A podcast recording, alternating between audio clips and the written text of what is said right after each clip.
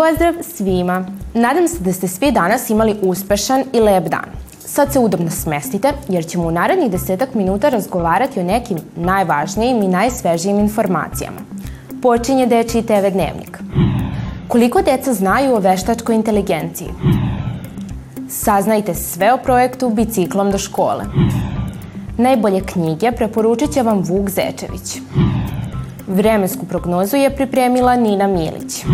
Veštačka inteligencija je sve više prisutna u našim životima. Neki je prihvataju i zaista su oduševljeni, dok neki imaju predrasude i pomalo su sumnjičavi. Svakako da se javlja milion pitanja poput za šta je sve možemo koristiti, da li je to bezbedno i mnoga druga. Iako se ova tema još istražuje, mi smo istražili šta osnovci misle o ovome i da li su se susretali sa njom. Veštačka inteligencija sve više postaje deo našeg svakodnevnog života. Ona pomaže našim uređajima i olakšava njihovo korišćenje. U sve to spadaju i novi napredni chat roboti poput chat GPT-a. Veštačka inteligencija je kao kompjuter koji može da misli sam, ali nema e, sve podatke, jer svakako čovek mora da unese te podatke u njega da bi znao. Veštačka inteligencija pravi može da napravi slike, jako lepe slike, može, može da ti pomogne kod domaćeg. Veštačka inteligencija je, e, može da nam pomogne oko mnogih stvari, ali naravno to ne može da radi samo od sebe, prvo čovek u to mora da unese sve podatke. Pa zato što Google možda nema nešto što taj robot može da nam kaže, a zato se razlikujemo. Robot koga pitaš šta god i on ti može na sve dati odgovor.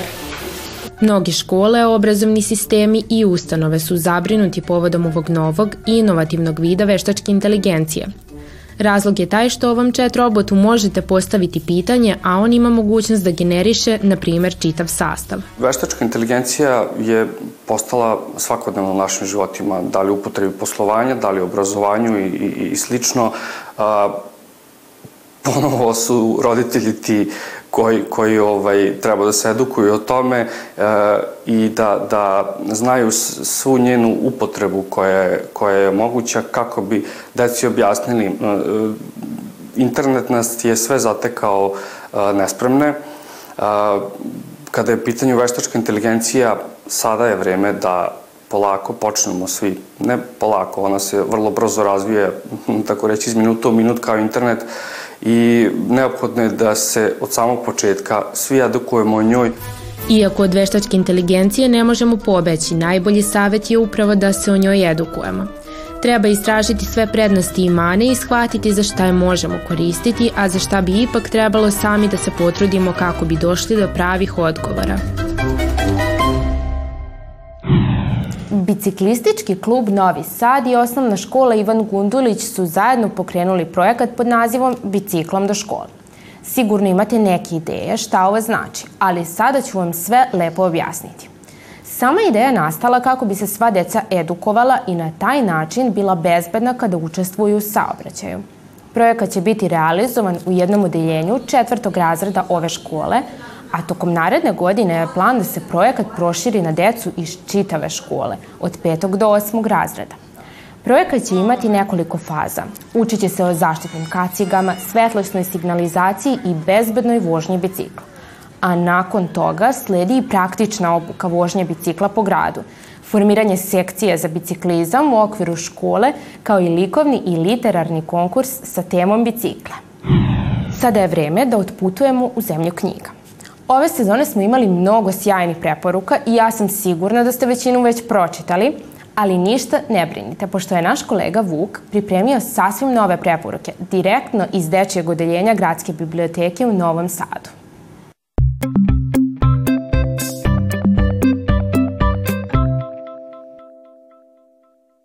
Pozdrav drugari!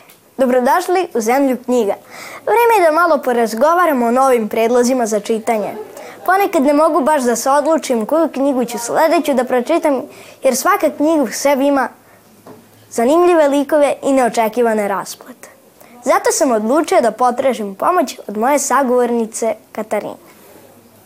Tako je, Vuče. Predlažem da krenemo sa našim prvim predlogom za danas, a to je knjiga, odnosno zbirka priča, koja se zove Priče o Vuku Stanivuku, autorke Jelene Milutinović. Wow, već mi se dopada naziv knjige. Glavni junak ima zaista lepo ime. Nego hoćemo da otkrijemo drugarima o, o čemu se radi u ovoj knjizi. Znala sam da će ti se svidjeti. A ova knjiga govori o jednom zaista o, obično neobičnom vuku. E, njegovo ime je Stani Vuk. E, živi u šumi sa svojim drugarima. Tu su i lisica i dabar i razne druge životinje koje žive s njim u šumi. A Vuk je inače jako svestran. Stani Vuk ume svašta da radi, e, da se bavi se pomalo stolarstvom, rešava probleme u šumi kada se pojave i sve u svemu je jedan veoma e, obično neobičan Vuk. Interesantno, Vuk je stolar baš kao moj deduja. On je najbolji stolar kog poznajem.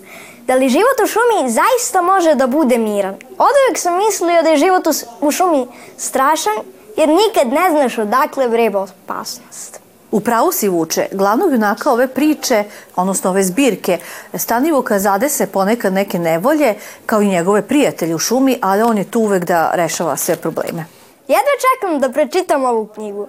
Nego koji je naš drugi predlog za danas? Naš drugi predlog za danas je priručnik Izaberi zanimanje.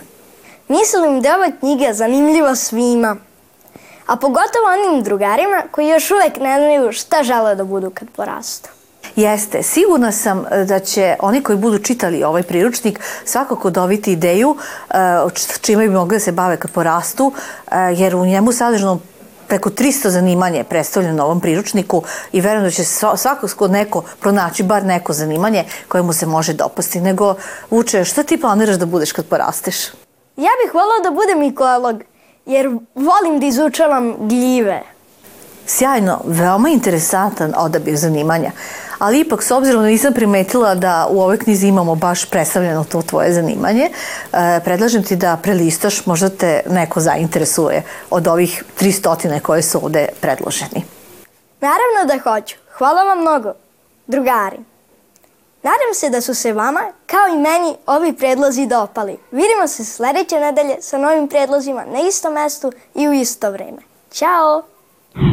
Kucnuo je čas za vremensku prognozu. Nina Milić imala pune ruke posla ove nedelje, pošto je vrijeme bilo zaista promenljivo. Sva sreća pa su one i novi kolega Pavle ove nedelje podelili svoje zaduženja. Baš zato i služe kolege. Hajde zajedno da poslušamo sve o vremenskoj prognozi.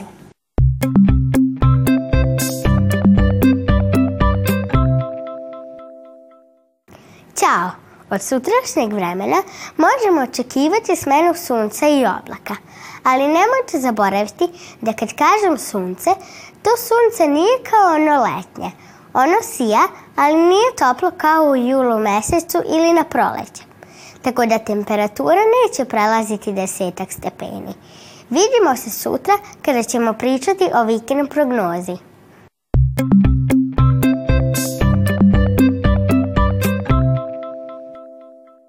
Došli smo do kraja svih najvažnijih tema za današnji dan. Hvala vam što birate da gledate baš našu emisiju svake večeri u 18.55. Vidimo se već sutra kada razgovaram o vikendu. A do tad, doviđenja.